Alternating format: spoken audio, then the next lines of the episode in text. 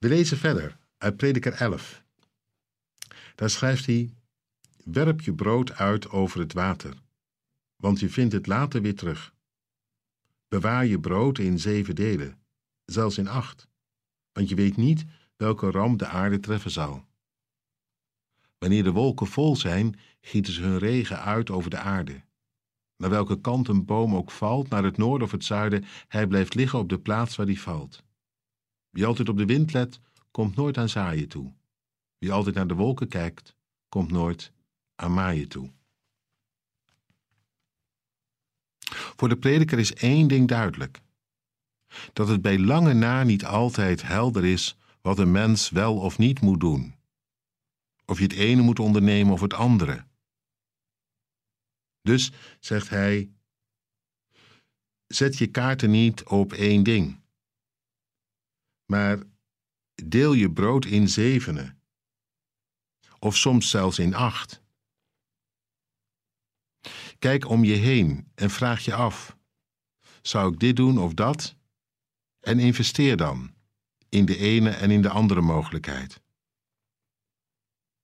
Ik vind dat wel mooi, dat de prediker dat op die manier zegt, ervan uitgaat dat het niet altijd van tevoren al vaststaat hoe het loopt, maar dat je soms gewoon moet proberen. Dit, dat, zus, zo, en op die manier erachter komt. Als hij vandaag zou lezen over wat er soms wordt gezegd over dat unieke levensplan voor ieder mens, dan zou hij zijn hoofd schudden.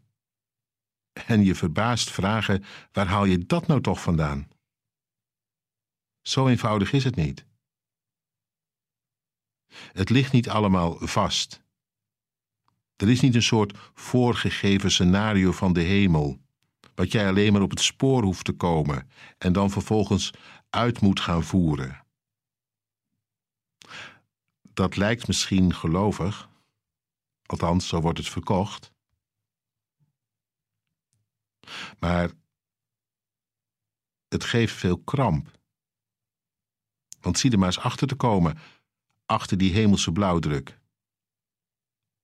Heel veel mensen raken daardoor op den duur eerder teleurgesteld en verward dan dat ze er wijzer van worden. Het staat ook helemaal niet in de Bijbel, hè? Dat God voor iedereen een plan heeft. Jazeker, een plan met de wereld, dat zijn koninkrijk zal worden doorgezet. En de vraag hoe jij daarin een rol kunt spelen. Maar dat unieke levensplan, dat is meer iets van onze individualistische eh, tijd dan van de Bijbel.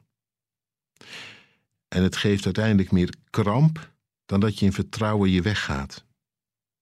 De prediker zegt: ga nou maar gewoon aan de slag. Met de mogelijkheden die je hebt. En gebruik daarbij vooral je verstand, wat je niet voor niks hebt gekregen. Spreid de risico's. En probeer dat wat er kan. Zonder dat je bij voorbaat alles kunt overzien. Welke kant de boom opvalt, zo staat hier. Dat heb je niet in de hand.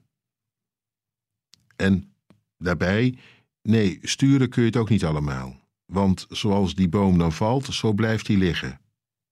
En die sjor jij niet even de andere kant op. Het leven heeft zijn eigen onzekerheden, maar daar middenin mag je je weggaan. Ontdekken wat lukt of wat niet lukt. En blijf vooral dan niet wachten op het perfecte tijdstip om te zaaien. Want dat, dat leidt tot niks. Dat geeft geen oogst. Gewoon eens aan de slag, soms met alle onzekerheden van dien. Zo ontwikkelt een mens, zo word je wijzer, doe je ervaring op en kom je, nou ja, misschien niet altijd waar je wezen wilde, maar kun je wel je weg vinden in dit leven.